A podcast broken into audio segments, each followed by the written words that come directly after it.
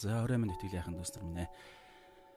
За өнөөдөр 2020 оны 8 сарын 8-ны орой 9 цаг 25 минут болж байна. Жохо орой эхэлчлээ. Гэхдээ аа өнөөдөр бүгд хамтдаа эзнийхээ үгийг судлахад кино үзэхэд оройтдгүй мөртлөө эзнийхээ үгийг судлахад оройтхгүй байлгүй дээ гэж найдаж байна.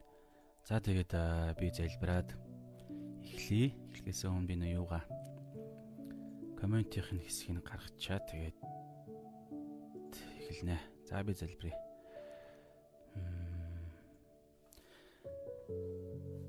Иесус эзэн минь дандаа би талархъя тэгээд яг одоо та өөрийнхөө үннээр дамжуулан өнөөдрийн хэсгээр дамжуулан бидэнтэй яриач бид таныг сонсож чадхад эдэн зүрх сэтгэл минь зүрх маань сайн хөрс байгаасаа зариун сүнс та өдөрдөж та бордож тордож та бэлтгэж тэгээд эзэн нэг ч гэсэн үннийг ойлгохыг хүсэж байна. Тэгээд та энэ цагтаа хамтдаж өгөөрэй хамгаалаа. Есүсийн нэрээр аминь. За өнөөдрийн хэсэг бол Йохан 6 дугаар Йохан 6 дугаар бүлгийн 15-аас 21 гэсэн хэсэг байгаа. За тэгээд бид нар өчигдөр нөгөө 572 загсаар 5000 хүний хоол хоолсон гайхамшигын талаар үзэхдээ 15 дугаар ишлэгийг нь бол өнөөдөр орхисон байгаа. Тэгээ өнөөдөр хамт үзье гэж бодоод. За за би уншия. Йохан 6 дугаар бүлгийн 15-аас 21 За өнөөдөр бол ерөнхийдөө Есүсийн усан дээр алхсан талаар бүгдээрээ хамтдаа ерөнхийдөө үзэнгээ тэндээс харах ойлгох юм байна уу бүгдээрээ хамтдаа бодцгоё. За би уншлаа Иохан 6-гийн 15-аас 21. Нөгөө 572 загсаа 5000 хүний хоолсон үйл явдлын яг дараа болж байгаа үйл явдал шүү. Дэс дараагаараа бол тэд ирж Тэд ирж өөрийг нь хүчлэн хаан болгох гэж байгааг Есүс мэдээд зайлж ганцаараа дахин уулууд явлаа. Орой болоход шавнар нь нуурын зүг бууж завинд суугаад нуурыг гатлан Капернаумыг зөвлөв. Хэдийнэ харанхуй болсон ч Есүс тэдэн дээр ирээгүй л байлаа хүчтэй салхинд нуур давлгаалж эхлэв. Шавнаар нь 25-аас 30 стадиа орчим газар сэлүүрдээд байтал Есүс нууран дээгүүр алхан завинд нь дөхөхийг хараад тэд айцгаалаа. Харин Есүс тэдэнд "Би байна, бүү аа" гэж айлдав. Тэд Есүсийг завиндаа оруулахыг хүслээ. Тэр даруй завин очих газартаа хүрсэн байв. Амен. За өнөөдрийн хэсэг бол бас Матай, Марк гэсэн хоёр хэсэг дээр гарч байгаа. Тэр хоёр хэсэг дээр илүү дэлгэрэнгүй байгаа. Тэгээ би бас хальт харлаа. Тэгээд арай дэлгэрэнгүй байгаа учраас ингээд үзэнгээ хамтдаа яриад юу хамтд нь яриад тэгээд явцгаая. За өчигдрийн чимээгт цагаар бид нар уулан дээр юу 572 загсаар 5000 хүнийг за 5000 ирчүүд тэгээд тэрнээс илүү олон хүмүүсүүдийг хоолсон үйл явдал яг дуусаад 15 дугаар ишлэл дээр тэд ирж Есүс өөрийг нь хүчлэн хүчлэн хаан болгох гэж байгааг Есүс мэдээд зайлж ганцаараа дахин уулууд явлаа гэж байгаа. Тэгэхээр хараа энэ хүчлэн гэдэг энэ үг бол маш яг гол одоо тэдний нөхцөл байдлыг илэрхийлсэн бас бидний ч гэсэн нөхцөл байдлыг илэрхийлж болох үг байгаа даа байхгүй юу? Уу яана.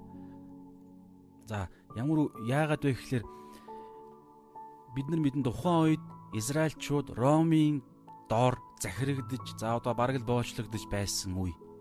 Татвараар, элдв янзын хууль дүрм, дүрм журам янз бүрийн байдлаар. Тэгээд тэд нар хаан яг л нөгөө нэг хаанчлалынхаа хамгийн оргил үе болсон Давидын хаанчлалын те манай эдний өмнөх 1000 орчим он 1050-аас 1000 гэдэг баха. Орчим оны үед 50 жилийн Израилийн хамгийн оргил хаанчлалын үе Давидын хаанчлалын үе За тэгээ хүү Соломоноос Соломоноос нь эхлээд ерөнхийдөө жоохон буурсан сүүл рүүгээ бол тэр тусмаа. Тэгэхээр тэр үе Давидын хүү буюу Христ хүний хүү ирснээрээ тэр хаанчлалыг бий болгоно гэх. Тэгээд ямар нэгэн Есүсийн гайхамшиг үйлдэл онцгой нэг юм байна гэж мэдэх үедээ шууд нөгөө Давидын хүү Есүсээ гэдэг Христийн гол тодорхойлолч тэгээд Давидын удмаас хаан мөнхийн хаанчлал гарна гэсэн иш үзүүлэг байгаа. Тэгэхээр тэр утгаараа шууд Есүсийг хаан болгохыг хүсэж исэн үе үе тэгдэг. Яг энийг мэдрэх үедээ Есүс яадаг вэ гэхээр шууд холдож, зайлж, холдож, цухтаадаг, холддог. Шалтгаан нь юу вэ? Би урднаас бид нар урд нь үзчихсэн шүү дээ, тэ. Миний цаг хараахан болоогүй байна гэдэг үгийг Есүс байн хэлдэг байсан. Нэг цагийн төлөө би энэ дэлхий дээр ирсэн. Ямар цаг? Юуны төлөө? Загалмай өхлийн төлөө а яг эдийн засгийн яг засаг захиргааны газар зүүн яг бодиттой нүдэнд харагдах тийм Давидын үед байсан шиг эсвэл манай Монголын Чингисийн үе шиг тийм бодиттой хаанчлал эдийн засаг улс төрийн хаанчлалыг Есүс байгуулахаар ирээгүй. Гэтэл Израильчууд тэгж ойлгож исэн, тэгж хүсэж исэн. Тэр хүсэл нь хувийнх нь өөрийнх нь хүсэл байсан а нөгөө нэг махуудын дэлхийлэг хүсэл учраас Есүсийг хүчилж тэр хүн тэр месиягийн байр суурь юу хэлэх гээд байгаа яг юу байгуулах гээд байгаа тэр хүнийг нөгөө асуулт тавина гэдэг шиг харж ингэж хүлээх сонсох биш зүгээр бидний хүсэл бид нар хаан хэрэгтэй байна биднэрт хаан та болооч биднийг ромоос чөлөөлөөж биднийг хооллооч биднийг идгээгээч ингэж тэгээж би би би бид нар бид нар яг л нэг тиймэрхүү байдлаар Есүсийг хүчилж хаан болох болох гэж байсан. Үе үе байнгын юм мэдрэгддэг. Энэ үед Есүс шууд зайлаад ганцаараа уулууд дахин уулууд явлаа гэж байгаа. Тэгээ яг уу нөгөө яг энэ усан дээр алхсан гэдэг энэ сэдвийг Марк Матай дээр бас байгаа шүү. Матай 14-ийн 22-оос 33 дээр аа бас Марк 6-гийн 45-аас 52 гэсэн хэсгүүд дээр байгаа. Тэгэхээр энэ хоёр хэсгүүд дээр хэсгүүдийг ингээ харахаар Есүс Христ нөгөө 5000 та түүнээс илүү олон хүмүүсүүдийг юу явууланга тарааж явууланга шав нартаа а хэлсэн байгаа даа. Юу гэж хэлсэн бэ гэхээр Йохан дээр бол яг ийм утгаар яг энэ нь бол байхгүй байгаа. Юу гэж хэлсэн бэ гэхээр та Йохан дээр харах юм бол ингэж байгаа. 16 орой болоход шав нар нь нуурын зүг бууж завинд суугаад нуурыг гатлан Капернаумыг зүглөв. Шав нар нь өөрсдөө Есүс ингээд нөгөө 5000 хүмүүсүүдийг хүмүүсүүдээс ингээд салаад уулан руу уул руу те уулууд явлаа гэж байгаа. Нөгөө хоёр сайн мэдэн дээр бол залбирахаар явсан байгаа. Тэгэхээр залбирахаар явангуут нь өөрөө санаачлагаараа завинд суугаад тэд нар Капернаумыг чиглээд дагалдагч нар нь явсан мэт харагдаж байгаа. Гэтэл илүү дэлгэрэнгүй битсэн Марк Матагийн сайн мэдэн дээр яаж байгаа вэ гэхээр Есүс шавнараа өөрөө завинд суугаад Битсайд руу төрүүлээд явжий гэж өөрөө хэлээд өөрөө бүр явуулсан байгаа. Өөрөө та уншаараа яг түрүүний хэлсэн Матай Марк 2 дээр байгаа. Энийг яагаад энэ яагаад чухал вэ гэхээр одоо дараа нь болох усан дээр болох нэг үйл явдал дээр чухал байгаад байгаа байхгүй юу? Чухал. Аа Есүс тэр яг энэ дээр бол ингэж байгаа. Йохан дээр байна шүү дээ ийм байгаа. Аа Капернаумыг зүглэн гэж байгаа шүү. Капернаум руу биш. Капернаумыг зүглэн явсан. Тэгэхээр аа та ингээд харьцуулж харах юм бол яаж байгаа вэ гэхээр Марк дээр Марк дээр юу гэж хэлсэн бэ гэхээр Есүс дагалдагч нартай завинд бүр завинд өөрөө баг хүчлэн шахуу өөрөө мэд яг албаар бүр өөрөө Есүс дагалдагч нараа завинд суулгаад төрүүлээд уртаад Битсайд руу явж байгаа гэж байгаа байхгүй. Тэгэхээр газрын зураг бол хардаа хой талд нь Битсайд байгаа юм, голд нь Капернаум байгаа юм, доор нь Генесерат гэдэг газар байгаа байхгүй. Яагаад Генесерат гэж чухал вэ гэхээр ярих гэдэг байгаа вэ гэхээр Мата дээр нь болохоор юу гэж байгаа вэ гэхээр энэ өнөөдрийн болж байгаа усан дээр алхсан үйл явдлын дараа нөгөө усан дээр яг тэр Галил нуурын голд нь тэр болж байгаа шуурган дунд болж байгаа ус Есүс усан дээр алхахдаг гайхамшиг байхгүй нөгөө Петр ч гэсэн алхахдаг хальт алхаад нэг э, сорилтонд ордог. Тэгээд яг энэ үйл явдлын дараа нуурын голоос нэг эрг рүү явсан газар нь Генесарат байгаа байхгүй яг ном журмаараа яг Дистараагаар бол тэгэхээр зүгээр Капернаумыг чиглээд эргээс хөдөлсөн. Харин Есүс болохоор Бицайдад байж тэгээд би нөгөө уулан дээр Тэр 5000 ирчүүдийг 5000 ирчүүдийг түүнээс илүү илүү хүмүүсүүдийг хоолсон газар болон а Бицайд нөгөө нөгөө завинд суугаад төрүүлээд Бицайд дээр байж гэдэг тэр Бицайд гэдэг газрын одоо яг дунд нь ерөөхдөө Есүс нөгөө ууланд руу залбирахаар явсан байгаа байхгүй. Тэгэхээр өөрөө алхаа тэр уулан дээр гарчаа. Тэгээд дагалдагч нар нь хойшоогоо Бицайд руу заваар явж ихоор одоо ингээд өөрт нөгөө юу амдаад гэдэг юм уу? Бицайд руу өөрөө алхаад очоод тэгээд тэндээс суугаад цаашаа а ер нь Генесарет руу явах төлөвлөгөөтэй байсан юм шиг байгаа. Тэр утгаараа зүгээр Капернаумыг чиглээд эргээс хөдөлсөн. Гэхдээ очих ёстой газар нь Бицайд байсан. Гэхдээ а тэнд дараа нь юм болно. Тэгэхээр тийм нэг юм зөрүү байгаа шүү. Тэрнээс биш ямар нэгэн байдлаар бичээч нарын болсон үйл явдлыг Матай Марк Лук Йохан буруу ялгаатай юм болсон гэж та ерөөсөө бодож болохгүй шүү. Хэрвээ ялгаатай бичиг те ямар нэгэн баримт нь ялгаатай л байвал тэнд тайлбар байгаа гэж та ер нь бодоорой ямар нэг яагаад вэ гэхээр хаа байгаа эдэн мянган жилийн өмнө болсон. Тэгээд яг ингээд түүхэн бүр ингээд нэг үрчлэн бичээгүй эн чинь зоригтой гоор янз бүрийн байдлаар бичигдсэн байгаа шүү. Тэгээд энэ ийм байгаа. Түрүүн би хэлсэн шүү дээ хоёлаа хоёлаа гинэ.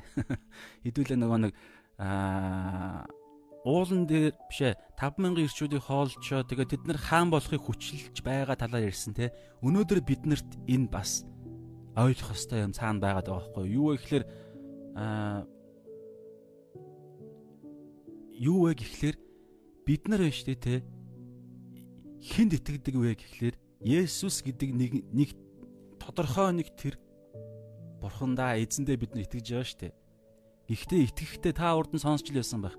Бид нар Есүс Христэд итгэлээр ирэхдээ итгэхдээ нөгөө шарын шашны нөгөө шашинлаг тэ эсвэл нөгөө нэг юм бэрчиг бэрчиг өөрийнхөө хүслийг биелүүлэх бэрчиг ч юм уу янз бүрийн нэг юм сонин холилдсон холилдмол ийм итгэлийг тээгээд Есүс дээр ирдэг байгаа байхгүй юу?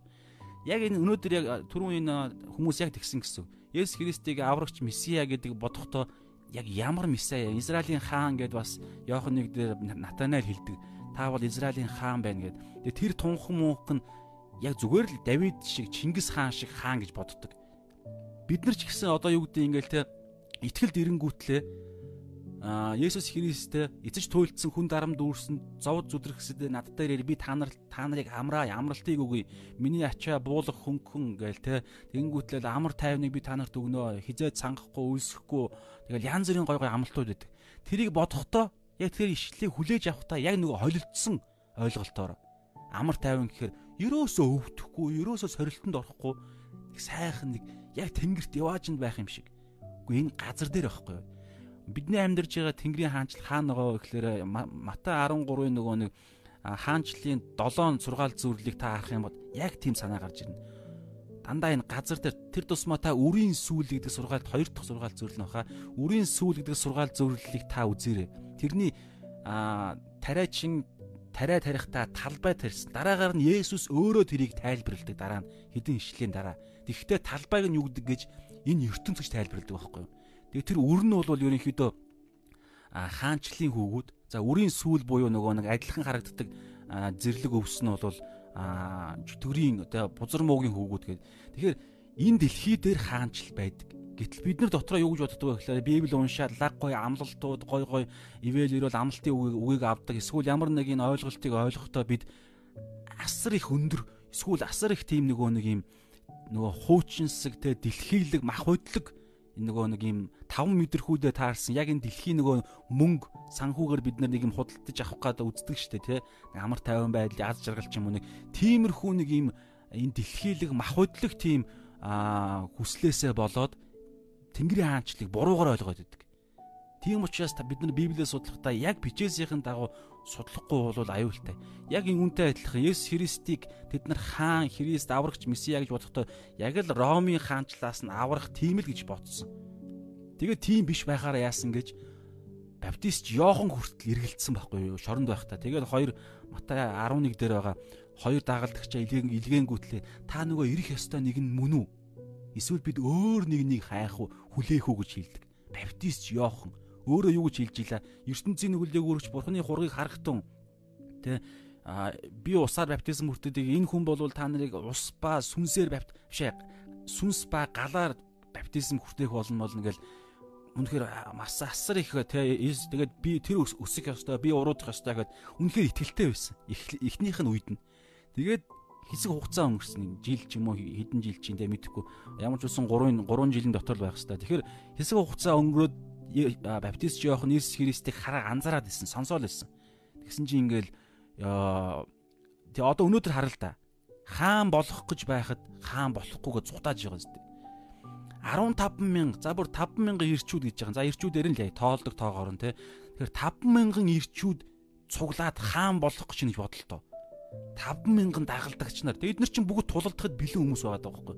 Бүгд ромчуудыг үзэн ядчихсан. Бүгд те А энд тухайн үед чинь бас 12 дагалдагчийн нэг Симон гэдэг хүн байгаа. Би Симон Петртэй андуурдаг байсан биш юм байлээ шүү. Бас нэг Симон байгаа. Тэр болохоор а нөгөө Зиалот бүлэгмийн гишүүн. Зиалот гэдэг чинь нөгөө нэг юу бослог гаргадаг хүн байхгүй. Улс төрийн бослог гаргадаг. Роми эсрэг, Херодын эсрэг бослог гаргадаг гаргадаг тийм одоо тулаанч нэг нэг хүн тийм байсан. Тэгээ Петр ч гэсэн яалаа бас ингээл тулалдахад бэлэн сэлмээ барайл нөгөө нэг гитсмент залбирлын үеэр те дахилчийн баруун малх гэдэг малх гэдэг нэртэй тэр тэрүүн дахилчийн туслахын зарцынхын чихийг нь тасч авчихдээ штэ. Тэгээ тулалдахад бэлэн ерөөсө. Бүгд тэр 5000 хүмүүс Есүс Христ яг тэр цаг мөчөд те бүгдийгээ цуглуул одоо бүгдээр тэ Давидын хаан Давид чинь нөгөө хаанчлалаараа одоо нөгөө нэг яг л тухайн үеийнхээ нөхцөл байдлаараа тулалдаж л Израиль Израилийг нэгтгсэн шүү дээ. Саулыг те Саул хэдийг Давид хэдэн мянгыг ч гэлөө Саул мянгыг 50 Давид юу гэдэг вүлээ хэдэн мянгыг асар их үрдсэн байдлаар ингэж аллаа гэж Давидыг магтдаг. Тийм үе яг тийм үеэрээ бодцсон. Давидын хүү Есүс Давидын хүү Есүс гэдэг энэ Христийн хиллэг нь Гэтэл Есүс бурхан Давидэд тэр мөнхийн хаанчлалыг амлахдаа анханасаа ерөөсөө сүнслэх хаанчл биш. Эдийн засгийн улс төрийн хаанчл ерөөсөө яриаггүй. Ягаад тэгэхээр улс төрийн хаанчл чинь зөвхөн энэ дэлхийн маш жижигхэн өчүүхэн байхгүй. Харин жинхэнэ мөнхөд үргэлжлэх ямар ч улс төрийн хаанчлаас хамаагүй хүчтэй бүр ер бусын хаанчлалыг ярьж ирсэн. Тийм учраас бид нар хэрэгжүүлэлт товчхон дүгнэлт гаргах гэдэг юм бол бид нар номлол сонсохдоо итгэлийн амьдралаар өдөр болго ингээл амьдраад байгаа шүү дээ. Унтлаа, өглөө услаа, нар гарлаа, ажилдаа явлаа. Өдөр нэг янз бүрийн болно. Тэр дунд чи юу болж ийн те? Сүнслэг ертөнцид юу болж ийн бурхан тантай ярьж гин үү ярихгүй байна уу? Гуйлтанд чинь хариулж гин үү? Үгүй гэж хэлж байгаа юм уу? Эсвэл юу гэж хэлж байгаа? Нэгэд нэг өдрийн амьдрал өнгөрлөө маргааш нь дахиад нэг өдөр ингээл амьдрал үргэлжлэл байгаа дээ тэгэхээр энэ дундаа бид итгэлийнхаа амьдралыг дүгнэхтэй тэнд аюул байгаа даа байхгүй энэ дотор. Бидний хуучин нөгөө нэг илчлэг 3 дээр хэлсэн штэ өчигдөр харж чадахын тулд нүдээ тослох тосыг надаас худалдаж ав гэж Есүс Лаудик чуулганы 7 дахь илчлэг 3 дээр байгаа чуулганд хэлсэн та нар сохор байна харалган юу сохор байна нүцгэн байна ядуу байна гуйлгчин байна та нар өөрийгөө баян болж гин гэж хэлж байгаа. Та нар ямар өрөвдөлтөй байгаа мэдэхгүй байна гэд. Тэгээд нөгөө нэг худалдаж ав гэдэг дөрвөн зүйлийнхэн сүүлийнх нь гурван зүйлийнх нь нүдээ харж чадахын тулд тосыг худалдаж ав гэж байгаа. Тэгээд Тэгэхгүй бол бид нэр яг одоо зөв харж ин тэгээ бас юун дээр байгаа дээ. Ром дээр ч гэсэн байгаа загтлууд дээр те оюун санаагаа та нар шинчил гэж байгаа. Шинэ бүтээлийнхаа шинэ оюун санаагаа шинчлээ тэр шинчлэгдсэн сүнстэйгээ нэгдсэн ариун сүнстэй өөрийнхөө дахин төрсөн сүнстэйгээ нэгдсэн оюун санаагаа та нар та нар шинчилж ингэж юм бодтой юм үйлдэл бодтой тэр нөгөө нэг юм алхам бодтой үйлдэл яриад байгаа байхгүй юу? Яг ингээ Библиэс судлаад яг бодоод хуучин ойлголтоо яг зэрэгсүүл тавьж ягаад хооронд нь мөргөлдүүлээд тэ бурхан надад хайртай. Хайртай юм чинь бид нарыг ерөөсөө өвдөхгүй байхыг хүсдэг. Одоо жишээ нь би ард гэдэг саяны ойлголт байгаа байхгүй юу? Гэтэл эн чинь яг Библийн дагуу 100 100% ойлголт биш байхгүй юу? Бурхан итгэж хүмүүсүүдэд ерөөсөө өвдөхгүй энэ дэлхий дээр ямар ч өвчин тусахгүй гэж амлаагүй байхгүй юу?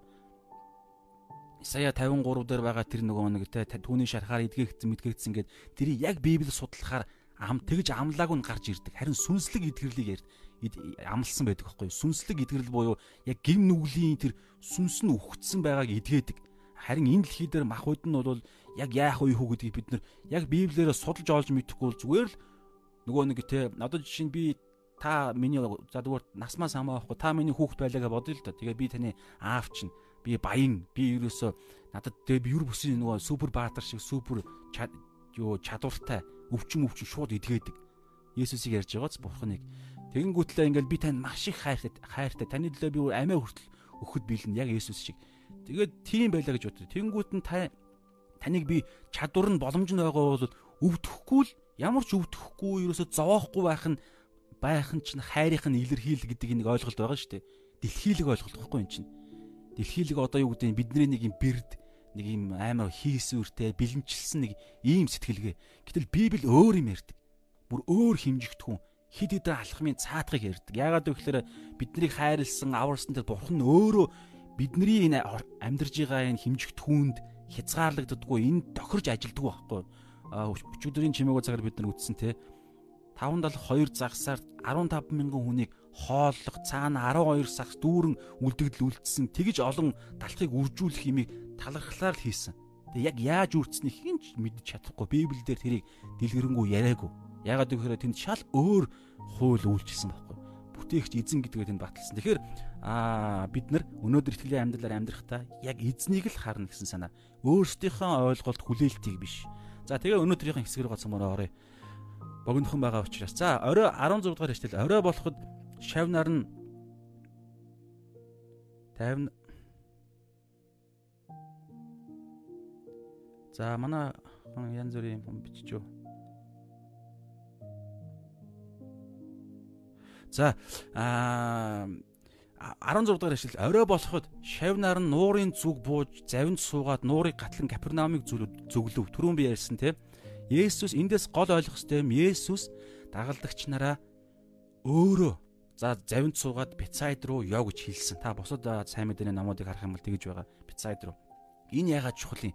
Ягаад яг өнөөдөр Йохан дээр бичсэн бичснийхэн дагуу биш бусад сайн мэдээний номуудыг нь хамтд нь гаргаж ирээд тэр саяны нэмэлт мэдээллийг ярих гээд байгаа вэ гэхлээр чухал байгаа даа байхгүй юу?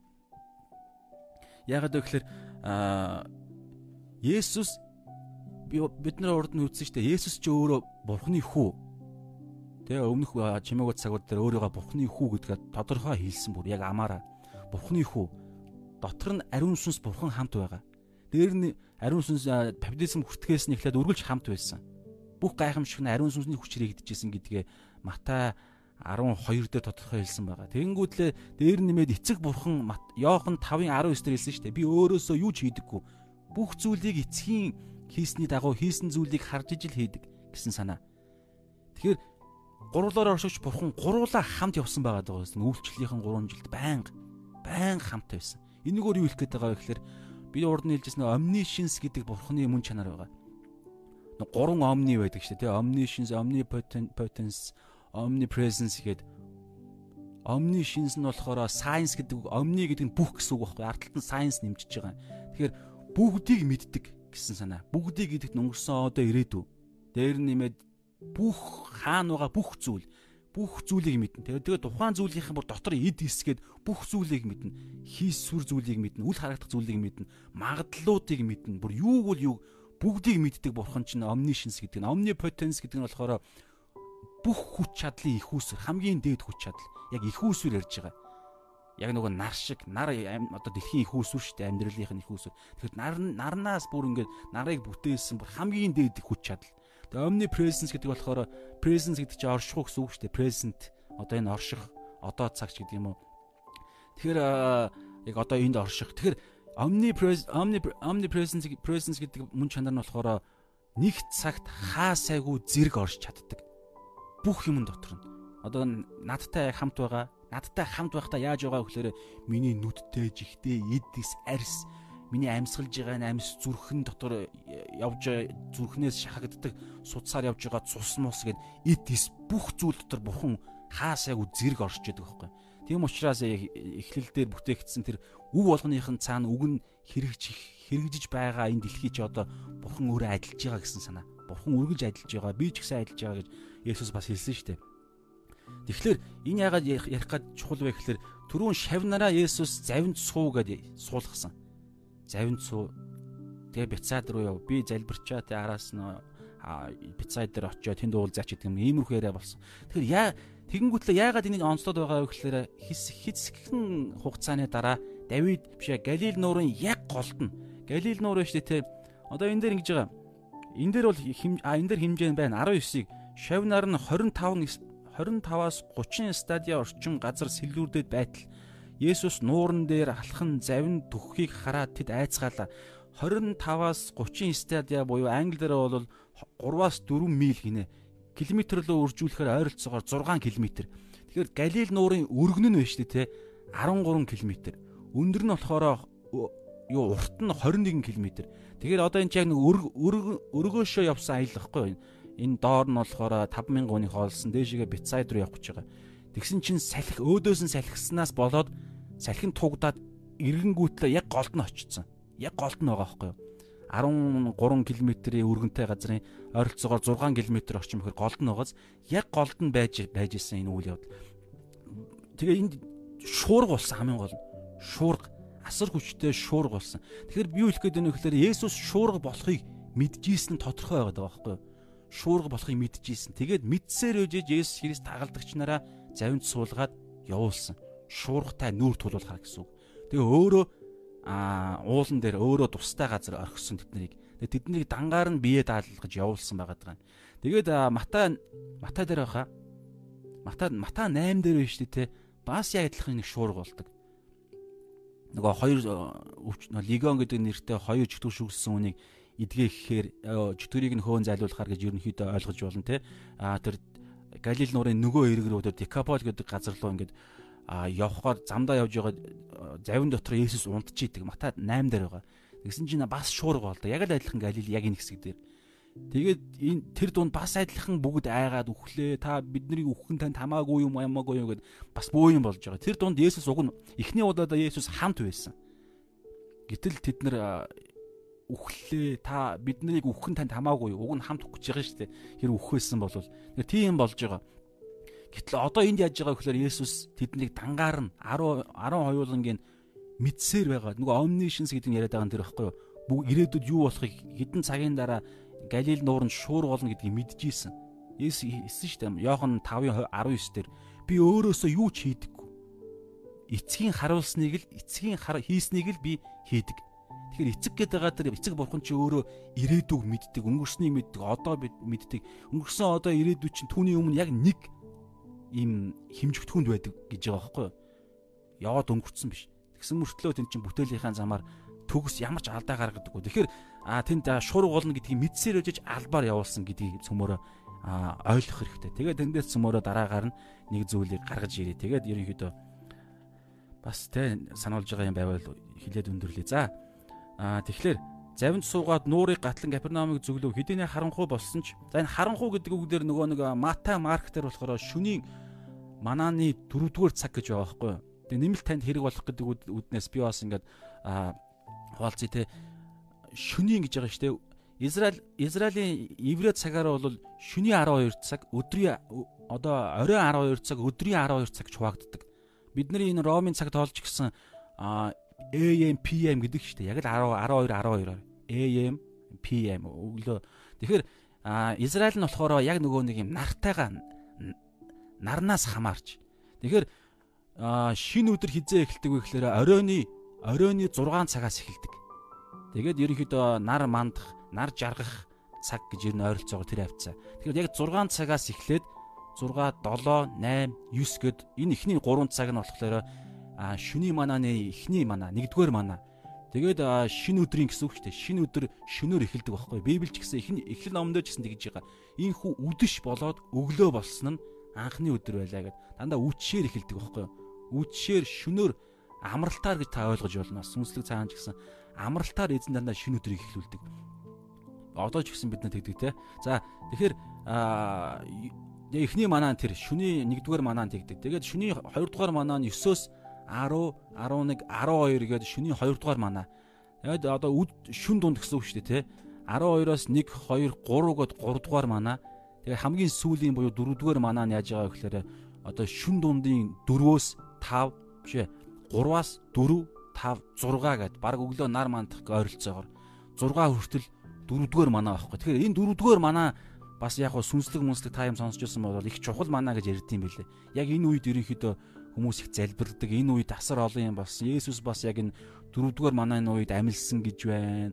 Амилсан гэсэн юм байна. Тэгээ одоо энэ дээр бас дөрөвдүгээр манааны үед болж байгаа юм. Тэгэхээр олон юм дөрөвдүгээр манаан дээр болсон гинэ. А Библийн олон олон үйл явдлууд энэ дөрөвдүгээр манааны үед болж исэн.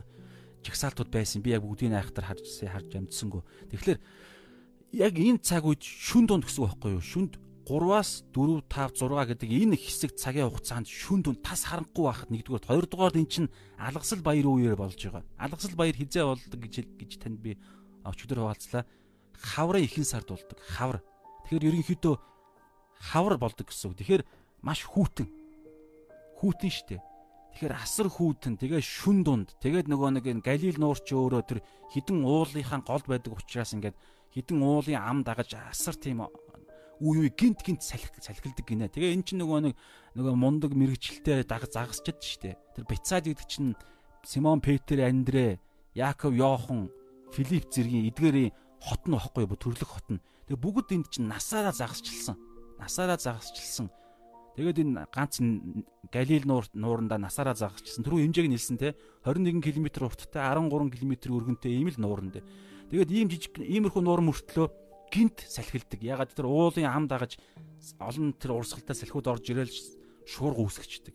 Тэгэхээр асар хүчтэй аимчтай аюултай шуургаас учраас түрүү Мата 8 дээр бас те Петр нөгөө загасчд чинь тэгж байгаа дээ. Бид үхлээ. Нөгөө аюултай шуурга чинь гараад ирлээ та биднийг авраач бидний өөхөн танд хамаагүй юу гүй юу гэд. Тэгэхээр тим ихнийх төр болсон. Одоо бол тэгж хэлэх хүн байхгүй. Есүс байхгүй. Зөвхөн 10 хоёулахна. Тэгээ ийм юм болж байгаа байхгүй. Тэгэхээр энийг Есүс Христ мэдсээр үжиж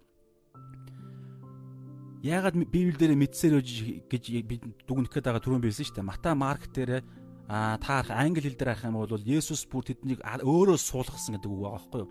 Йохан дээр бол байхгүй. А Йоханы бичиж бичиж байгаа тэр бичлэгийн зорилгонд нь яг энэ яг энэ нэг хамаагүй байсан юм шиг байгаа. Тэгэхээр Матай Марк дээр дэлгэрэнгүй байгаа. Тэгэхээр өөрөө суулгасан. Тэгэнгүүт л за тэгээд энэ бүүн шуур болж байгаа. Тэгээд Есүс Матай Марк дээр бас анзаарах юм бол Есүс уулан дээрээс харж исэн байгаа даа. Та анзаарах юм бол Марк дээр байгаа. Би энд энд байна уу? Аа, салхи сөрөн явж байсан тул шавнар нь одоо энэ дээр хараа Марк 6-гийн 48 дээр гинэ. За 47-оос орой болоход зав нуурын дунд харин Есүс ганцаараа газар дээр буюу уулан дээр гэсэн үг байхгүй. Газар дээр байв 48 салхи сөрөн явж байсан тул шавнаар нь сэлүүрдэн хүчээ барж бүг Есүс хараад шөнийн дөрөвдөх манааны үеэр нууран дээгүүр алхаж тэднийг зүглэн зүглэн ирэв. Яг энэ дэр сонирхолтой юм байгаа. Тэдний хажуугаар нь өнгөрөхөөр явж байтал.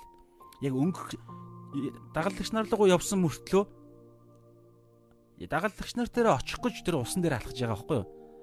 За усан дээр алхахыг дараагаар нь те бас шинэ ойлгосон юм байвал цомор хуваалцъя. Тэгэхээр дагалдагч нар руугаа явж байгаа мөртлөө яг очихдоо хажуугаар нь явах гэж байгаа юм шиг юм дүр эсгэж байгаа юм шиг нэг ийм юм харагдаж байгаа. Тэрний тэр бас ямар зоригтой. Ер нь тэр шуурган дунд дагалдагч нараа илгээсэн байгаа байхгүй. Тэгэхээр энэ бол маш маш чухал ойлголт байгаа. Аа би бас хэд хэдэн ишлэл гаргалаа. Йохан 6-гийн а Йохан 16-гийн 33 дээр Йохан 16-гийн 33 дээр Миний дотор та нар амар амгалан байг байг гэж би та нарт энэ зүйлсийг хэллээ. ертөнцид та нар зовлонтой байна. Гэвч зоригтой байх тун би ертөнцийг ялсан гэж айлтлаа. Асар олон ишлэл байгаа. Одоо энэ дээр миний дотор та нар миний дотор та нар амар амгалан байг гэж би та нарт энэ зүйлийг хэл энэ зүйлсийг хэллээ. ертөнцид та нар зовлонтой байна Гэвч зоригтой байхтун би ертөнцийг ялсан гэж айлдлаа. ертөнцид бид нар зовлонтой байна. Зовно. Одоо бас хэд хэдэн ишлэлээр илүү илүү тодорхой гарч ирнэ. Зовлонтой байх мөртлөө миний дотор амар амгалан бай гэдэг байгаа сте. Яагаад? Яагаад вэ гэхээр тэг зоригтой бай гэж байгаа. Яагаад гэвэл сүүлийн хэсэгдэр би ертөнцийг ялсан гэж айлдлаа. Ялсан нэгний дотор тулаан ялсан нэгний дотор бид оршсон мөн чанартайгаар тулаанд байх гэдэг байгаа байхгүй юу? Тулаан руу илгээгдсэн. Түүнээсээ энэ дэлхий дээр Тэнгэрийн улс яг бодиттой биш байхгүй юу? Нэг холилдсон Тэнгэрийн аанчл, холилдсон хаанчлалын гэж хэлж болохоор ийм төлөв байдалд байгаа гэж та ойлгох хэрэгтэй. Энэ дэлхий дээр байгаа мөртлөө Тэнгэрийн аанчл энэ дэлхий дээр ирсэн. Дэлхий дээр одоо юу гэдэг юм бодиттой ялалтай байгуулсан загалмай дээр итгэсэн хүмүүс нь дэлхий дээр байгаа байхгүй. Тийм учраас зовлон байна, тулаан байна. Гэхдээ амар амгалан байх боломжтой. Ямар үед ихэр зөвхөн ялсан нэгний дотор л байгаа цагт Хэрвээ ялсан нэгний дотор байхгүй бол нөгөө зовлон нь бид нарыг улам хүнд болгоно л гэсэн үг. За дараагийн ишлэл. А Ром 8:28 угаас Ром 8:28-аас 30 гэсэн хэсэг дээр бид нар мэдэн штэ Ром 8:28 дээр Бурхныг хайрладаг түүний зорилгын дагуу дуудагдсан хүмүүсийн сайн сайхны төлөө бүх юм хамтдаа ажилдаг гэдгийг бид мэднэ. Бүх юм гэдэг дээр түрүүний ярьж байгаа зовлон, сорилт, элдв янзын шалгалт, янз бүрийн юм орж байгаа гол нь хоёр энэ нөхцөл танд байна уу надад байна уу тэрнээс хамаарат бидний сайн сайхны төлөө юу үгүй юу гэдгийг шийдэгдэнэ. Хэрвээ ардаа Ром 8:28 дээр ингэж штэ. Нэгдүгээрт Бурхныг хайрладаг. Хоёрдугаарт түүний зорилгын дагуу дуудагдсан. Бурхныг хайрладаг гэдэг Бурхныг хайрладаг бол бид Бурхны тушаалыг нь хайрлан тодорхой. Бурхны тушаал нь юу гэж байгаа вэ? Хөршөө өөрийн адил гэж хуучин гэрээнд хэлсэн. Шинэ гэрээнд Есүс намайг яаж хайрлсны адил би биенээ хайрл. Тэр Есүс яаж хайрлсан юм? Тийм учраас тэгэл судлана. Яг тэрүүгээр хайрлана гэсэн. Гимтнүүдийг өвч гимтнүүдийг аврахаар Есүс ирсэн. Тэгэхээр бид гимтнүүдийг дайснаа хайрлана гэсэн. Дайснаа хайрлж байгаа бол бид Есүс Бурхан эзнээ хайрлж байгаа гэсэн. Хэрвээ Бурхан эзнээ хайрлж байгаа бол Ром 8:28 дээр хэлсэн дагуу бидэнд тохиолддог бүх зүйл бидний сайн сайхны төлөө ажиллаж эхэлж байгаа байхгүй юу? Угаасаа ажиллаж байгаа. Тэгэхээр бид тэр ертөнцийн рүү тэр тогтолцоо руу бид орох гол юм нөгөө нэг Йохан 3 дээр хэлсэн ус ба дээрээс дахин төрөх буюу бурхнаар бурхны хаанчлалаар л төрнө. Тэгээ бурхны охид хөвгүүд болоод бурхнаа хайрлна. Нэгдүгээрт, хоёрдугаарт түүний зорилгын дагуу дуудагдсан. Матай 6-гийн 33-д тэ юуны төрөнд бурхны хаанчл болон зөвхт байдлыг хай. Бурхны хаанчлал, зөвхт байдал. Бурхны хаан зөвхт байдал гэдэг нь Есүс Христийн дотор, Бурхны хаанчлалын Есүс Христийн дотор үргэлжлүүлэн амьдрах. Тэр нь юу юм? Нөгөө нэг ярьдаг те бусдын авралын төлөө, бусдын төлөө амьдрах. Тэгэхээр бид Бурхнаа хайрлаж, бусдыг хайрлаад амьдрж байгаа амьдралын минь зорилго бол бусдын авралын төлөө байгаад энэ дээр л үргэлж энэ дээр бид нар бодож үүний төлөө бидний хийдэг сонголт Монголд байгаа цагт энэ нөхцөл шүү дээ асар том нөхцөл шүү. Энэ нөхцөлийг ойлгохгүйгээр энэ нөхцөлийг үл тоомсорс тоомсорлох юм бол бид гуйхад өөхдөхгүй байхгүй да. Есүсийн нэрээр гуйж иж гуйдаг штэ бид. Есүсийн нэр нь өөрөө юу юм? Саяны ярьсан хоёр ойлголт. Ром 10 дээр хэлдэг те зүрхэндээ итгэн зөвхт байдал хүч амаараа хүлэмж шиг авралт хүрнэ. Есүсийн нэр гэдэг энэ дотор чинь саяны одоо энэ Ром 8:28 ярьж байгаа байхгүй. Бурхны хайрладаг, Бурхны түүний зорилгын дагуу. Бурхан гэдэг нь Есүсийн хамгийн бодтой бодтой дүр төрх бол Есүс. Есүсийг хайрладаг, Есүсийн зорилгын дагуу дуудагдсан дуудлаганд хариулаад тэр дуудлагаараа амьдарж байгаа хүн бүх зүйл бидний сайн сайхны төлөө ажиллана. Гэхдээ тэрэн дунд зовлон хүртэл байгаа. Шалгуур сорилт итгэлийн сорилт хүртэл байгаа. Гим нүглийнх биш шүү. Итгэлийн сорилт хүртэл байгаа. Тэгэхээр тэр сорилт чинь өнөөдрийн бидний үзэж байгаа энэ хэсэг хэсгээр бас илэрж байгаа байхгүй. Есүс хардаа ийм байгаа. Айдас гэдэг зүйл биш үү те. Асар аюултай. Айдас байг айдас итгэл хоёр зэрэг явахд явах боломжгүй байдаг байхгүй. Аюултай. Айдас хүний нүдийг сохолдог. Тэгээд энэ шуурга яг тийм байгаад байгаа байхгүй. Энэ шуурга чинь бодиттой байна амьдралын шуурга гэж хэлж болно. Өнөөдөр бол яг бодиттой Галил нууран дээр шуурга болж штэ. Энэ үедээ тэд нар айдсан тархийг нь бүр ингээд нөгөө өмнө болсон 5000-д ирчүүдийг хоолсон гайхамшиг майхамшиг миний тэгээ 8 мата 8 дээр чи яалаа нуурыг нуурыг намдаасан шуургыг намдаасан мамдаас тэр нь өмнө болсон юм уу дараа болсон юм болсон юм уу би сая судалж амжсангүй ямар ч үсэн гэсэн асар олон гайхамшиг болсон. Тэр Есүсийгээ мэддэг итгэл мэтгэлийг шууд ямар ч хэрэггүй юм шиг хаяад яг өмнө харагдаж байгаа тэр шуурга нэгдүгээр харанхгүй хав харанхгүй шөнийн дөрөвдүгээр мана дээр нэмээд алгасал баяр буюу хавар хүүтэнд болж байгаа. Тэгээ шуургач асар өндөр өндөр давлгаанууд. Тэгээ тэдний завь чинь тэгээ асар том хөлөг онгот биш завь шүү дээ. Зүгээр загасчны завь. Тэгэхээр үхэл үхэл ирж байгаа. Тэгээ энэ үед айдас нь нөгөө Есүс.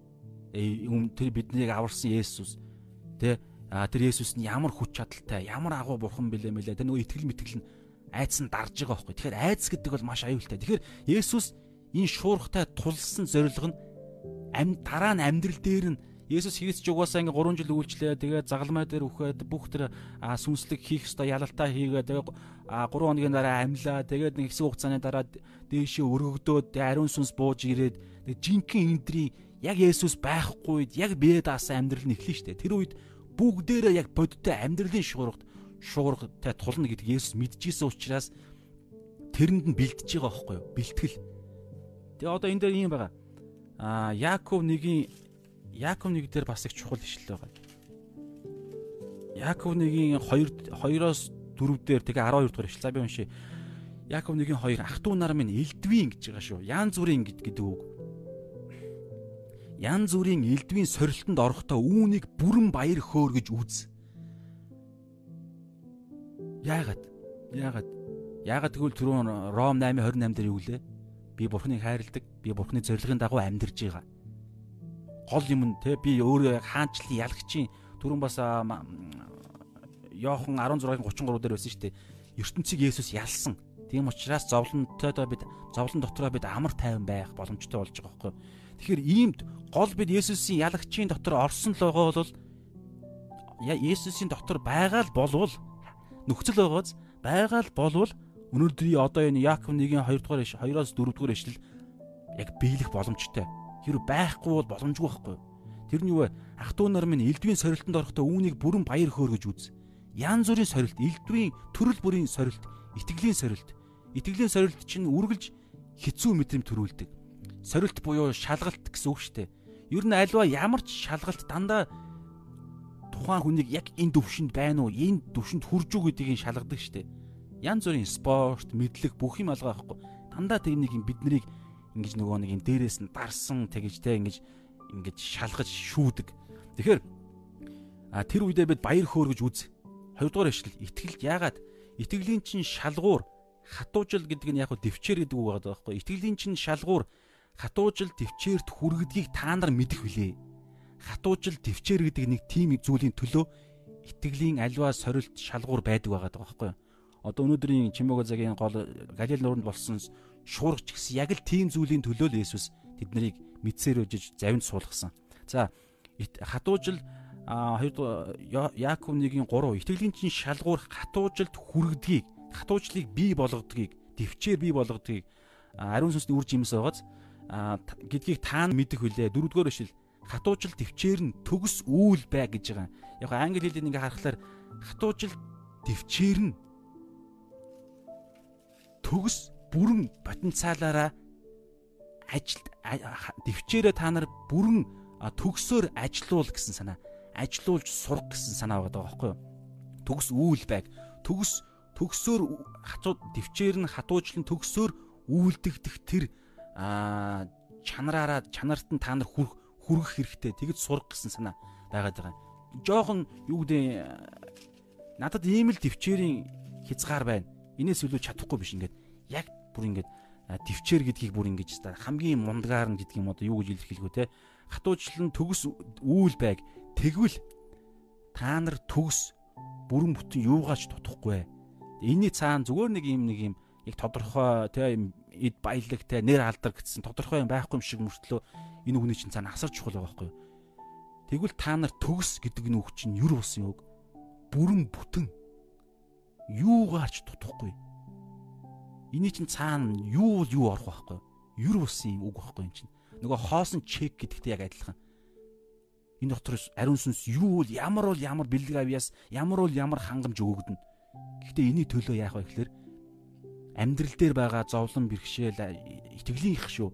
Гмийн сорилт гэж бод битгий бодорой. Гмийн сорилт бол арай өөр юм яригддаг. Сүнсээр алах хэрэгтэй. Гим тэ завхаарлыг бол завхаарлаас зүхт мухт гэдээ олон юм ярьж байгаа. Итгэлийн сорилт сорилтыг бол яадаг вэ гэхээр дундуур нь туулаж гарах л ёстой байдаг хөөхгүй.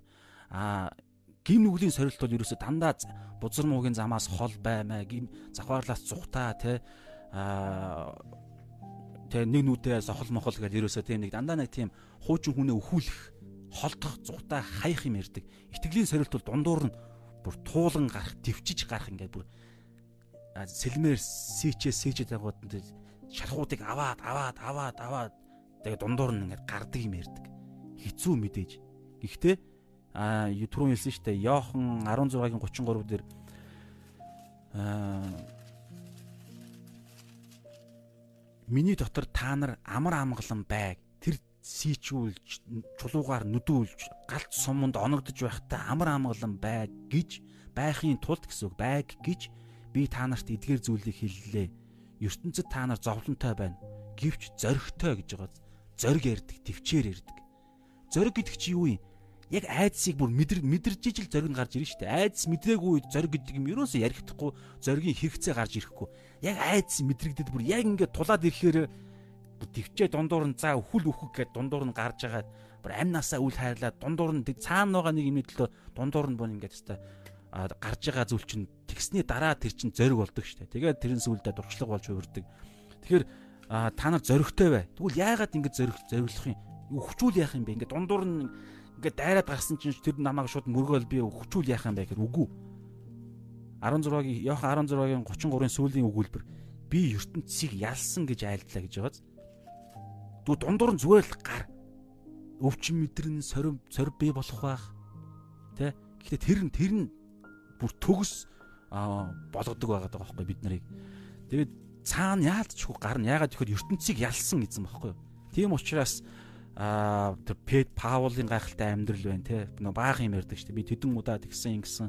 Тэдэн удаа үхэлтэй тэдэн удаа нүрт туулсан. Тэдэн удаа те хөлөг онгоцны сүрэлд орж исэн. Жулуугаар зохиулж үхэх шахсан махсан гэж баахан юм ярьдаг. Тэгээд барайгаа би барайндаа амжилттай орлоо. Би уралдаанаа дуусглаа гэд толгоогоо завчуулах гэж байхдаа ярьсан шүү дээ энэ үг. Тэгээд сүүлдээ толгоогоо завчуулаад дуусчаа. Тэгэхээр 12 элч нар шүү дээ бүгдээрээ сүүлдээ аа үхсэн. Бүгдээрээ итгэлийнхэн төлөө нөө мартер гэдэг те итгэлийнхэн төлөө амиа золиослогч болж бүгд үхсэн байгаа даа. Яг одоо энэ Йохан номыг бичиж байгаа Йохан л жам ёсоороо аа насныхаа эцэст үхсэн. Тэгтээ наан нь Йоханнаас алах гэж хор өгжсэн гинэ. Тэгээд Йохан тэр хор өгөөд үхлийн хорыг уугаад Йохан амьд гарсан. Эзэн амьд үлдээсэн. Тэрнээс биш яг л тэр юу гэдэг эзний оролцоо байгааг байсан бол адилхан 12 12 бол 12 12-уулаа өөх байсан. Тэгсэн бол а одоо энэ Йохан ном ч бичигдэхгүй, Йохан номны номууд бичигдэхгүй, илчилт ном бичигдэхгүй байсан байхгүй. Йохан ном бол юу гэлээ нилээн сүүл бичигдсэн юм байлээ. Ер нь Йоханы номууд Дамаа илчилт ном, Йохан ном бол баг манай энэ 80-аад оны 80-аас 90-ад оны хооронд номууд бичигдсэн байгаа байхгүй. Тэгэхээр тэрнээс өмнө үхвч аюул байсан. Бусд нь бол бүгд үхсэн байгаа даа. Тэр утгаараа шинэ гэрээний номууд бүгдээрээ ихэнд бичигдсэн. Үхэхээс өмнө Тэгээ Паул хүртэл сүлдээ толгоогоо зарч завчуул дуусч байгаа. Тэгэхээр энэ бүгд яагаад ярьж байгаа гэхээр нөгөө амьдралын нөгөө нэг шуурга шуурга нь ирээдүйд Есүс тэдний амьдрал бүгд тэдний итгэлийнхэн төлөө шуурга дундуур нь гарна гэдгийг мэдчихсэн учраас хамт байгаа 3 жилийнхаа хугацаанд тэднийг бэлдэх шаардлагатай байсан байхгүй. Тэр утгаараа а удахгүй хэдэн цагийн дараа шөнийн 4-р манаанд болох тэр шуургаар шуургатай тэднийг нүүр тул тулуулсан байгаа. За тэгээ шуурган дунд а шуурга дунд ингээ бөө юм болж исэн ингээл өгөхгүй л те. Тэгжсэн чинь шөнийн 4-р манааны үеэр Есүс а өөр өөрийг нь өөрсдийг нь чиглээд усан дээр алхаад ирж исэн. За усан дээр алхах нь бол ойлгомжтой. Яг нөгөө өмнөх өчигдрийн чимээг цаг дээр үтсэнчлэн байгалийн нөгөө нэг живдэг штэ хүндийн хууль одоо юу гэдэг те таталцлын хууль хүндийн хуулийг бас давсан гайхамшиг үлдсэн байгаа усан дээр алхсан. Тэгэхээр тэр бол гайхамшиг угаасаа тэр нь хүртэл юр босно. Гэтэ өнөөдрийн хэсэг дээр бол тэр гайхамшигаас илүү тэр дагалдагч нарын тэр шуурган дундах тэр аюултай шуурган дундах айдас нь итгэл болж солигдох тэр шилжилтийн төлөө өнөөдрийн гайхамшиг явагдаад байгаа байхгүй юу. За тэгээд яг айдсан дундаа байж исэн чинь тэд нар яасан гэж Йохан дээр нь байна хараатах юм. Шавнар нь 25-аас 30 стадиа орчим газар сэлүүдэд байтал Есүс нууран дээгүр алхан завинд дөхөхийг хараад тэд айцгаалаа гэж байгаа.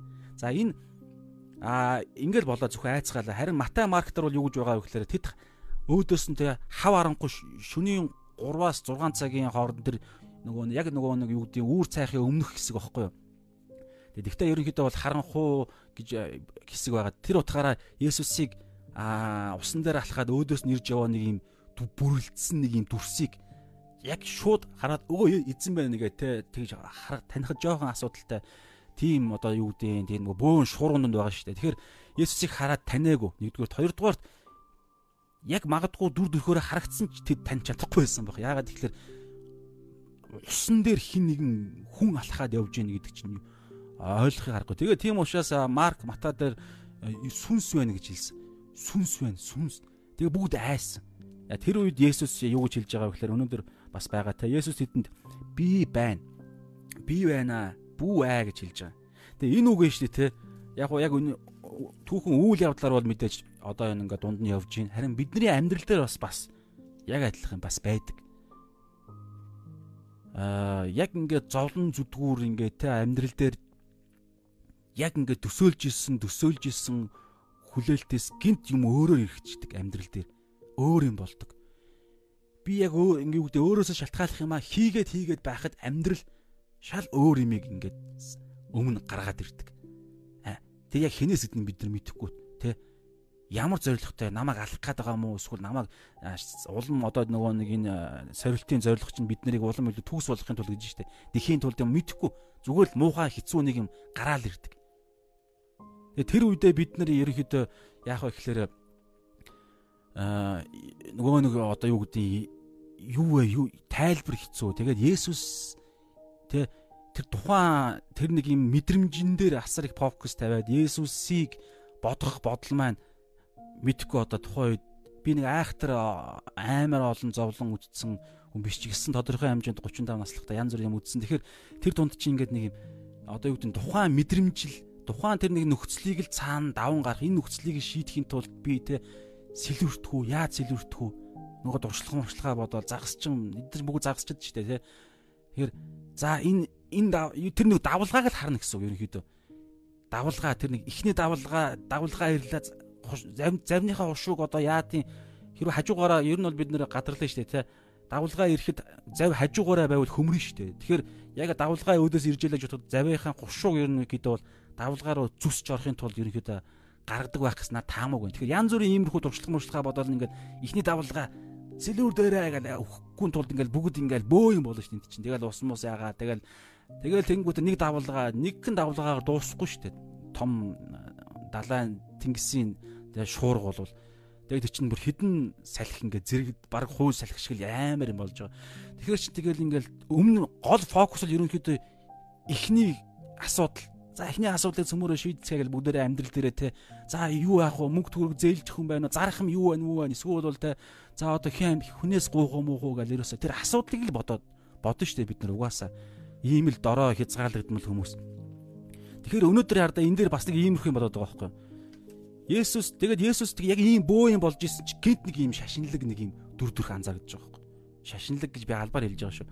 Зүгээр бодиттой амьдралын ингээл нэг янз бүрийн юм ингээл болоо л те нөгөө нэг шүүх хурал мурал тий одоо юу гэдэг газрын бичиг мичиг гээл ингээл амьдралын яг бодтой нэг болдог юм дунд ингээ байж гинт ингээл нэг юм одоо хин нэг нь итгэлийн найз ч юм уу пастор ч юм уу хинж үдэн те эсвэл ингээл фейсер ч юм уу нэг юм тэг инг гээл нэг юм э, тий одоо нөгөө нэг юм итгэлийн нэг юм хандлага бид нар рүү ирдэг штэ. Тэнгүүт тэр үед яах вэ?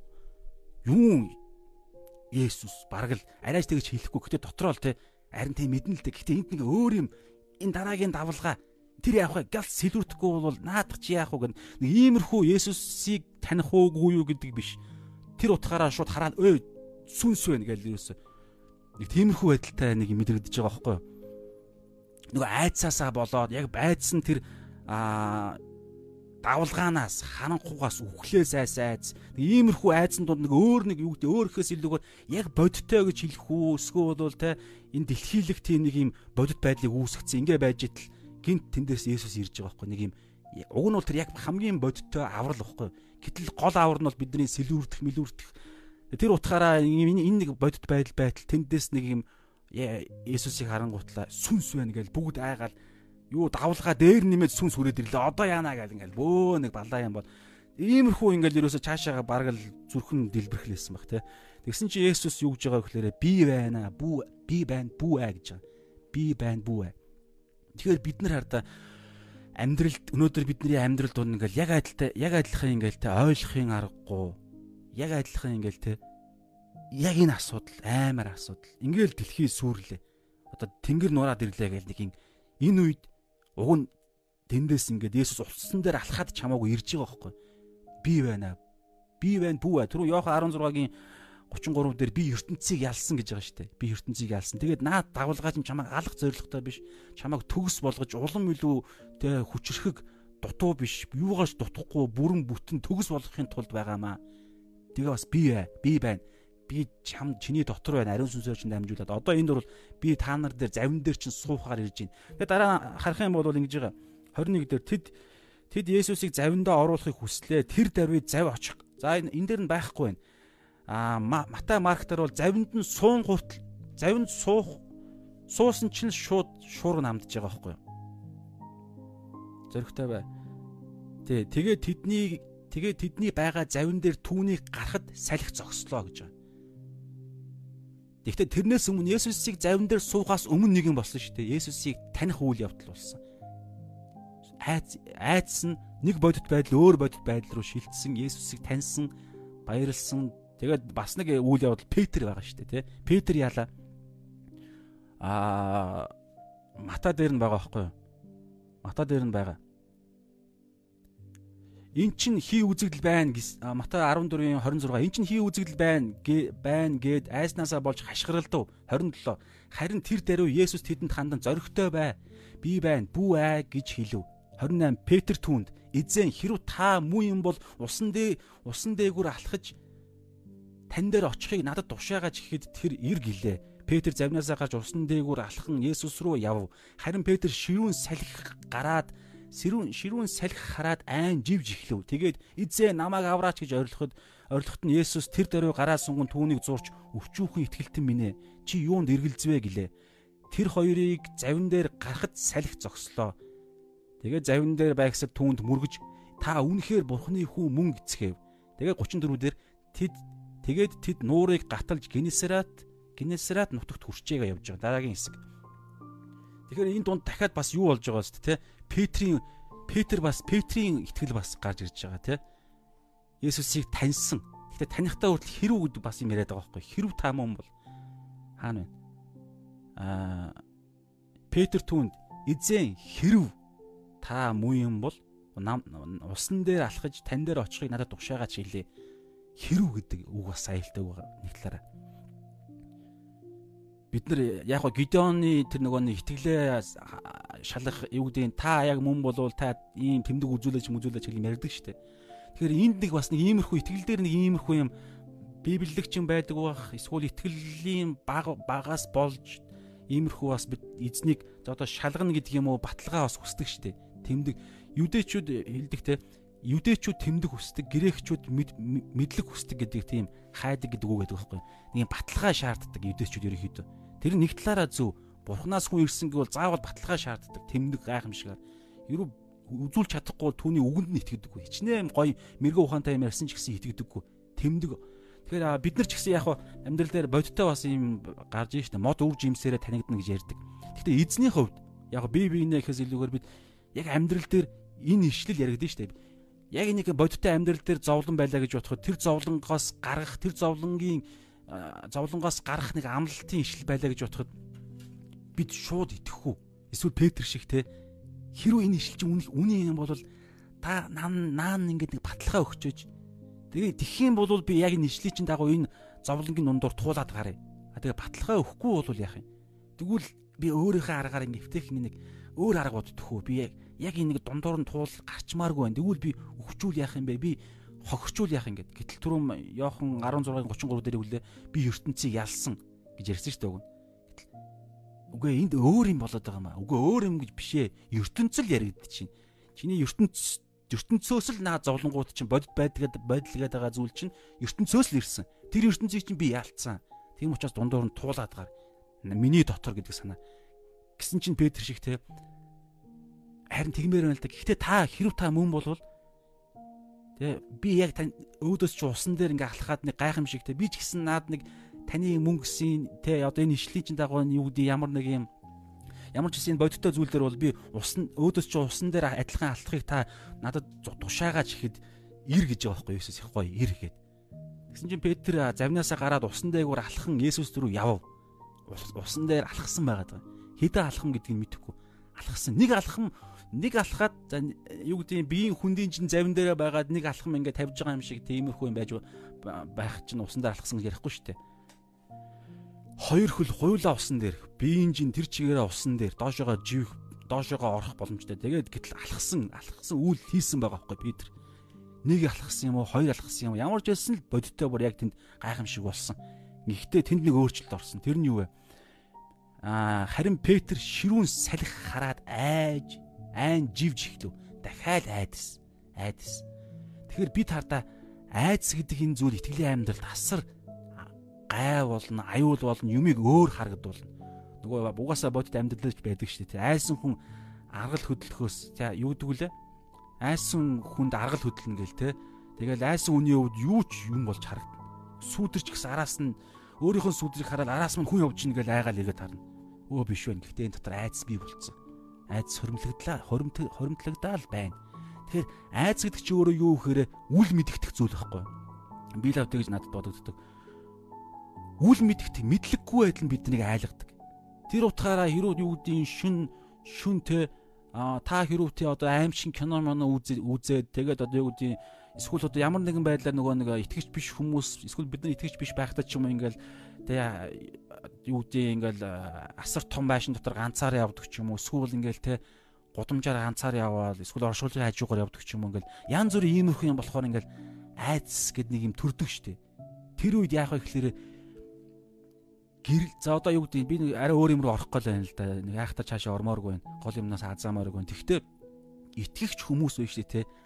Айхгүй байхад яаж яагаад яагаад яаж айхгүй байхаа бид дуршлагч хэвээр байхгүй юу Тэр утгаа яг сүнслэг бодтой юм үгдийн нэг юм чөтгөр мүтгэр ч юм уу ингээл нэг юм эсвэл харангуйш нь ганцаараа ч юм уу. Тийм үедээ хүртэл бид айхгүй байхад дадлагч хэрэгтэй байгаа байхгүй яагаад юм эрүүл ухаанаар мэдэх юу гэдэг үннийг ертөнцийг мэдэх мэдлэг чинь өөрөө альва зүйлийн талаар мэдэх мэдлэг нь айцыг уг нь ял дардаг байхгүй юу.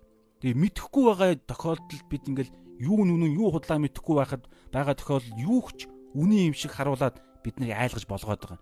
Тэгэхээр өнөөдөр яг энэ усан дээр энэ Галилд болж байгаа энэ шуургач хүртэл тийм байхгүй юу. Есүс хэд юу гэдэг Есүс агалдагч нарыг хизээч үххийг Есүс зөвшөөрөхгүй гэдгийг тэд нар ойлгох ойлгоогүй байсан байгаад тэр утгаараа үхлээ сайж исэн. Живхээ сайж исэн. Гэтэл Есүс тэр 12-ыг өөрөө сонгоод тэднэрээр дамжуулж дэлхийг аврахын тулд сонгогдсон байж иж яалаа гэж нэг тэднийг өхүүлч хөвдөө. Иймэрхүү итгэл хүртэл дүгнэлт тэднэрт байгаа байгаа байгаагүй гэсэн үг байхгүй юу. Тэгээ энэ мэтчлэн бид ингэж эмгийн үедээ бодох ёстой юм а бодоагүйгээс болж яг шуурх хүрээд ирэх үед бид нар хийсвэр худал хуурмагт итгэдэг байхгүй юу. Тэгэхэд ирэхээр айдас бий болдог. Тийм учраас наан нь эзэн биднийг ингэж бэлтгэдэг амьдрал дээр янз бүрийн юм ингээд тэгээ мунхаг хүн өөрөө үзэж ижил итгэдэг. Гэтэ мэрэгэн ухаантай хүн бол үзэхээс нь өмнө үзээд унаад нүхэнд нь унаад гараад ирсэн хүний үгэнд мунхаг мэрэгэн ухаантай бол тэр хүмүүсүүдийн үгийг нь сонсоод тэр нүхийг тойрж гарч чадна шүү дээ. Тэрнтэй адилхан Библиэлд яг энийг ярьж байгаа байхгүй өнөөдөр. Өнөөдөр бид бүгдийн амьдрал таны амьдрал ч гэсэн яг юм шуурга амьдралын шуурга зовлон зүдгүүр итгэлийн сорилт шалгалт бий болно. Тэрнээс наан нь яаж нүхийг тойрж гарах уу, давж гарах уу, ямар хоёуг дуулга өмсөх гэдгийг нь Библиэлд заасан байгаа. Хэрвээ энийг Библиэлд хэлсээр байтал өнөөдөр чимээгүй цагаар хэлсээр байтал бид нар би ч гэсэн ялгаа байхгүй өөрөө ингэж ярьдаг мөртлөө маргааш амьдрал дээр ингээд нэг юм болоход би яг л нөгөө түрүүний энэ 12 шиг те за тэр шашин машин одоо юу гэдэг энэ ишлэмжл явах бай энэ аюулыг л энэ дагуулгааг л туулж гармаар байна гэл бөөн өөрийнх нь тархиа ажиллуулж байгаа бол бид нар нөгөө монхог хүн буюу өөрөө нүхэнд унаад гарч ирж ижил за энэ маргааш энүүгээр явахдаа энэ нүхийг тойрох юм байна да гэд. Нэг юм юу золиос гарч ижил юу гэдэг дуршлагч нь. Гэтэл мэрэгүү ухаантай хүн бол унахаас нь өмнө унтсан үний үгийг сонсоод буюу Библи багхгүй юу? Библиэд амьдрал дээр байгаа бүх зүйлсүүдийг амьдрал дээр байгаа бүх зүйлсийг Библи хэлдэг. Тэгэхээр бид өдөр болгон ингэж Библи судлангаа хоорондоо нөхөрлөнгөө наан нь уртж нөгөө ирээдүйг мэддэг бурхны энэ гайхалтай үгийг уртж харах юм бол бид ялнаа гэсэн үг. За тэгээ ямар ч үсэн гэсэн ингэж Аа Гэхдээ энэ дээр хардаа нэг маркетер нэг зүйлийг хэлээ. Тэгээ цөмөрөд өгнөд өндөрлөө. Маркетер хардаа нэг юм байгаа. Аа салхи за салхи сөрөн явж байсан тул шав наранд сэлүүрдэд хүчээ барж бууг Есүс хараад уулан дээр нэг залбираад уулан дээр байхдаа тэр ерөнхийдөө тэр эргээс нь Галил нуурын голд байгаа зав харагддаг шүү. Айхтар том бол биш. Тэр утга нэг эргээс цаад иргэгийн цаана байгаа уулмал хүртэл харагдана. Тэгэхээр тэр уулан дээрээс Есүс дагалдагч нарыг харсан байгаа даа. Тэгэхдээ энэ дээр хараа Есүс салхи сөрөн явж юу лээ? Салхи сөрөн явж байсан тул шав нар нь сэлүүрдэн хүчээ барж бууг хараад тэгэд бүр шав дотор нь байгаа тэр одоо би зүгээр яг хүний зааварчлаараа хүний нүднээс бүр цаашаа нэг бурханлаг дүр төрхөөрөө хүртэл харсан юм шиг санагдаад байгаа. Тэдний нүүрний хувирал магадгүй тэдний юу ярьж байгааг хүртэл сонссон юм шиг. Асар холоос. Тэгэхээр нөгөө бас л нөгөө Есүс бол Христ Бурхны хүү гэдгийг нь а энд бас дахиад илэрж байгаа байхгүй. Тэгэхээр ямар ч байсан гэсэн Есүс харж ирсэн. Тэгэхээр амьдрал дээр ч гэсэн бас ийм зүйл байгаа. Биднийг юу гэдэг яг амьдрал донд ингээд нөгөө итгэлийн дараагийн төвшөнд гарах гад шуурхтай те ингээл тулалдаж байх үед Есүс харж идэг. Яг хөө тийм яг бодит амьдрал дээр ч гэсэн харж байгаа шүү дээ. Бидний дотор ариун сүнс байгаа. Есүсийг хаана байгаа вэ? Яг өнөөдөр бид нар зовж юу гэдэг зовлон дунд ингээд бид нар та бит хоёр байлаа гэж бодъё. Тэгэхээр яг одоо Есүс яг бодиттой хаана байгаа вэ гэхээр эцгийнхаа баруун гар талд байгаа шүү дээ. Яг харж байгаа. Тэгэхдээ ялах хүчийг нь тэр бүх үнний мэдлгүүд хүч чадлыг ариун сүнсээр дамжуулан өгсөн ариун сүнсээрээ дамжуулаад ч гэсэн бид нартай хамт байгаа завин дотор хамт байгаа тийм. Тэгэхээр ямар ч үсэн гэсэн Есүсээс хизээч биднийг орхидоггүй яг орхицсан орхицсан юм шиг байхгүй байхгүй юм шиг мэдрэгдэн тэр өөр мэдрэмж. Тэрэнд битгий итгээрэй гэсэн. Нөгөө үннийг мэдэх мэдлэг. Матай 28-ийн 18 дээр юу гэлээ? Аа Тэнгэр газар дээрх бүх эрхийн мэдлийг надад өгөө. За 20 дээр нь 21 дээр нь ч үлээ. Үеийн төгсгөл хүртэл би та нартай үргэлж хамт байна гэж хэлсэн байхгүй. Тэнгэр газар дээрх эрх мэдлийг атгсан. Тэгээд ертөнцийг ялсан нэгэн бид нартэй үргэлж хамт байна. Энэ бол зүгээр нэг мэдээлэл ингэж мэдээлэл Библиэлд байна. Та итгэх үү гэдэг асуудал. Итгэхгүй бол яана гэж яг зовлон ирлээ Иесус алга байна. Бурхан худлаа юм байна. Библиэлд байна гэж хэлсэн шүү дээ. Та итгэхгүй байгаа мó? Итгэхгүй бол бид Бурхны хохот өгөөд болоогүй авралд аврагдаагүй юм шүү. Харин итгэж байгаа юм бол байхгүй байна гэдэг тэр бодлоо бид хаях хэрэгтэй байхгүй. Нөгөө нэг илчил 3 дээр байгаа.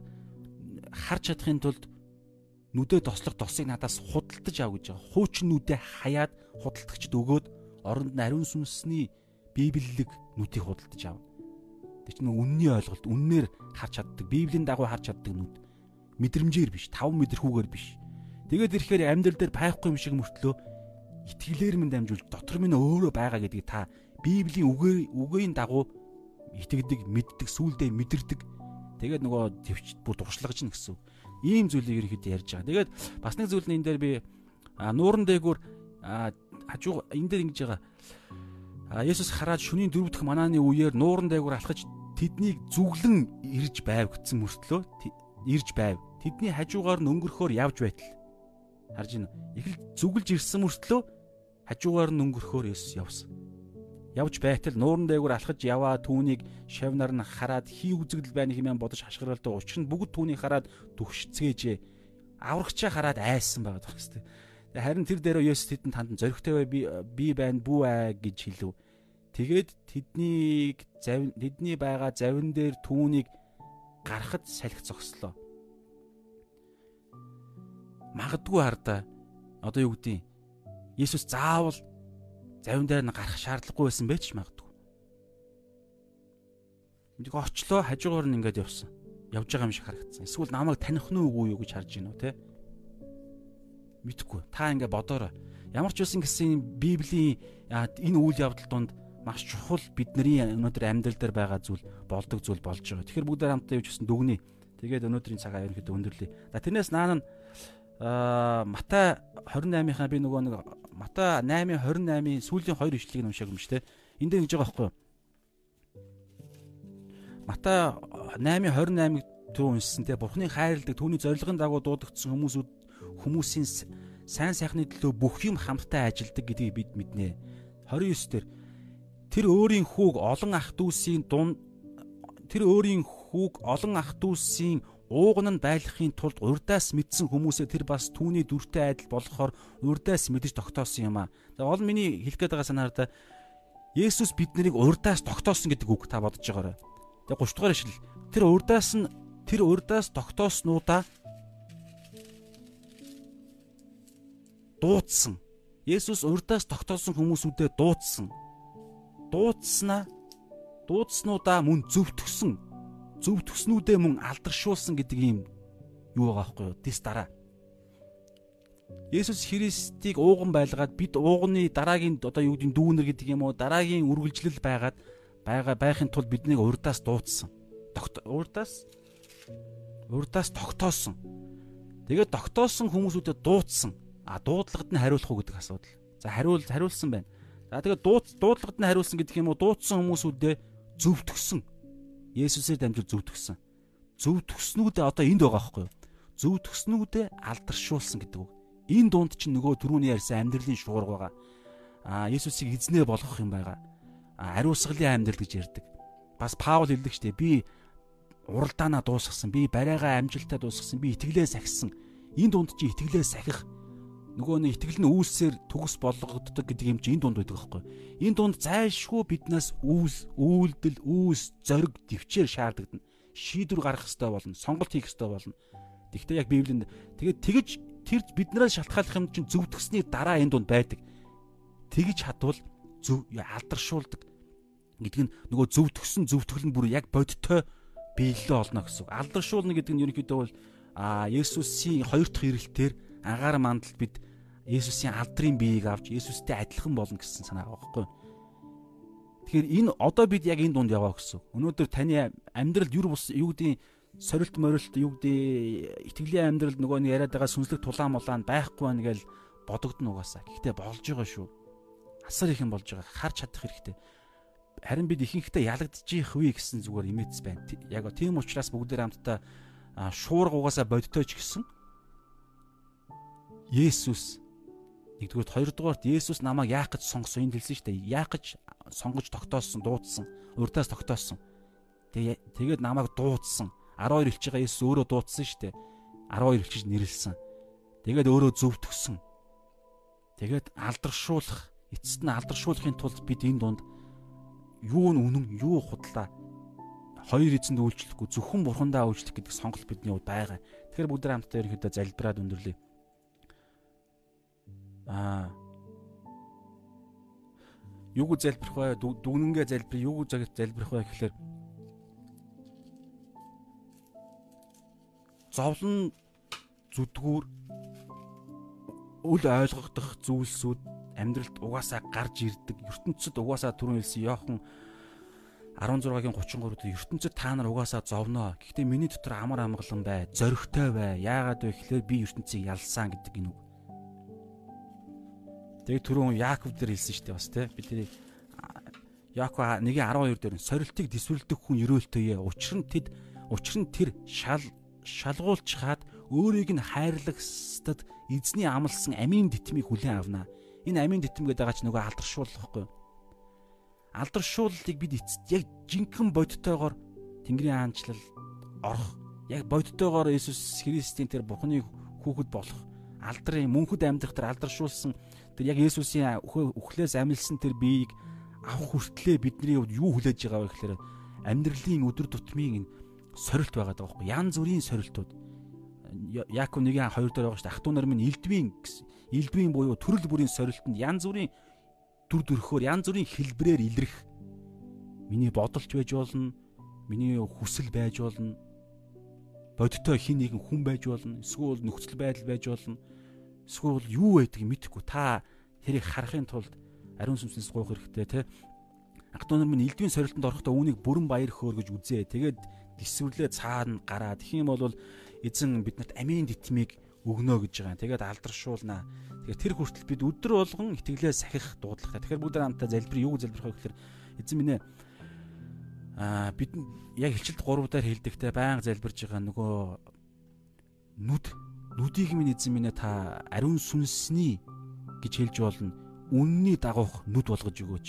Тэгжиж би хэдийгээр өмнө минь яг бодтой шуур харагдах ч гэсэн би бас Есүсийн эзний хараа таньдаг баймаар байна. Айдаг биш, таньдаг баймаар байна. Эсвэл Библийн ишлэлийг үзчихэд те аа өө энэ худлаа, энэ арай биш ээ. Энэ бодит байдалд энэ арай боломжгүй гэд одоо энэ айх гэдэг юм эсвэл энэ эргэлздэг баймааргүй шууд таньдаг баймаар байна буюу Библийн ишлэл яг нөхцөл байдалд нь таарсан ишлэл нь яг энэ шуургыг цаана даван гарах тэр холбоог нь харж чадах нүд.